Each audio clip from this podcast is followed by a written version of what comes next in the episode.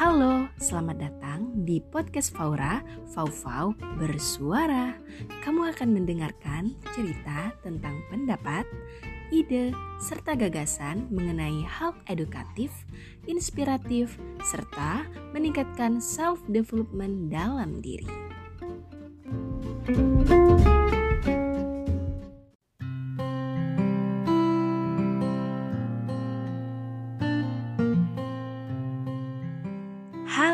Sobat Farah semuanya Kembali lagi bersama aku Fauzia Sabira. Selamat datang di podcast Faura Fau-Fau Bersuara episode kelima. Kali ini aku akan membahas mengenai tema tentang Bicara soal kehidupan. Wah, sebuah tema yang luar biasa ya dan menarik sekali untuk kita bahas pada episode kali ini.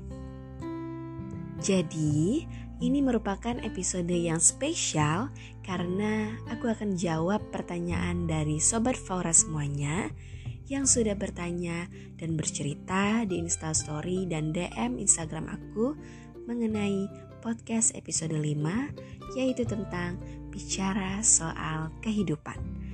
Oleh karena itu, aku akan menjaga privasi dan kerahasiaan siapa yang bertanya serta bercerita.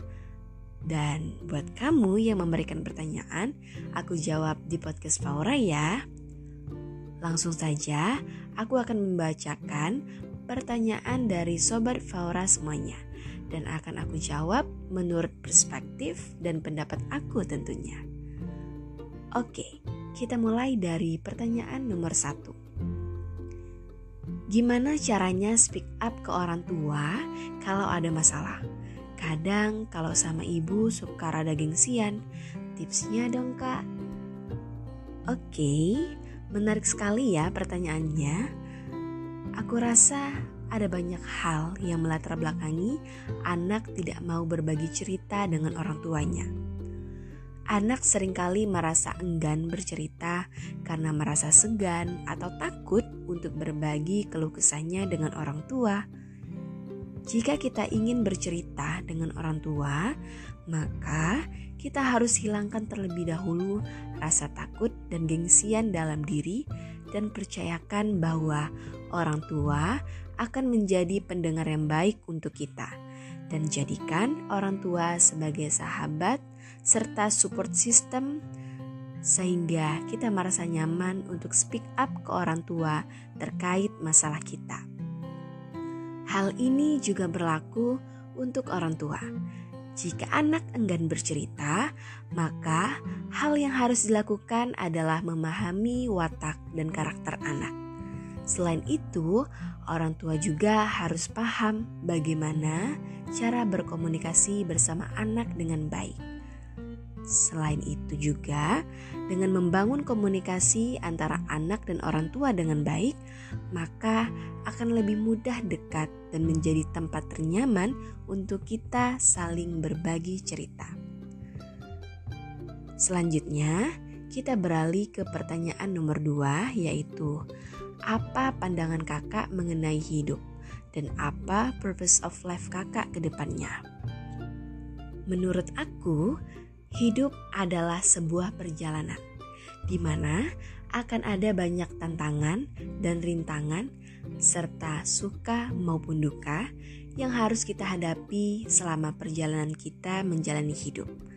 Kemudian, apa purpose of life aku ke depannya?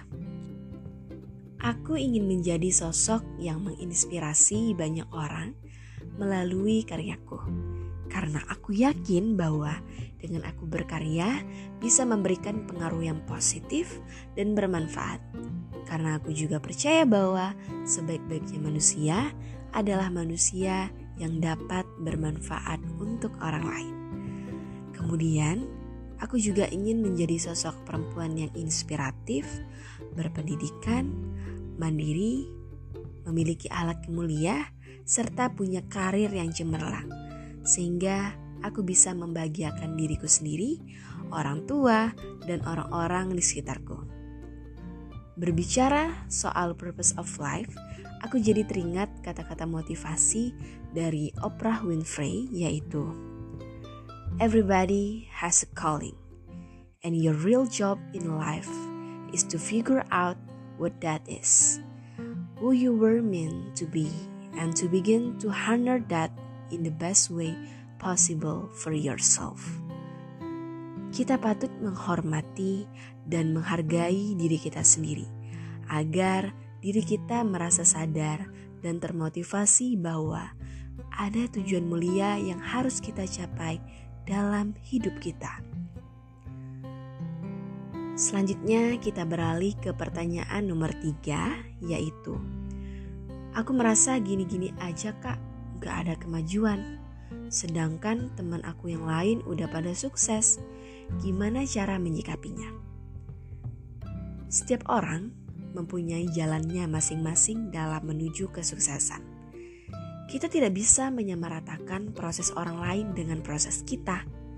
Yang terpenting adalah hargai setiap proses yang kamu jalani dan apresiasi setiap kemajuan yang kamu usahakan. Karena aku percaya bahwa kamu akan sukses dengan jalanmu sendiri asalkan kamu kuatkan niat, terus berusaha dan senantiasa berdoa.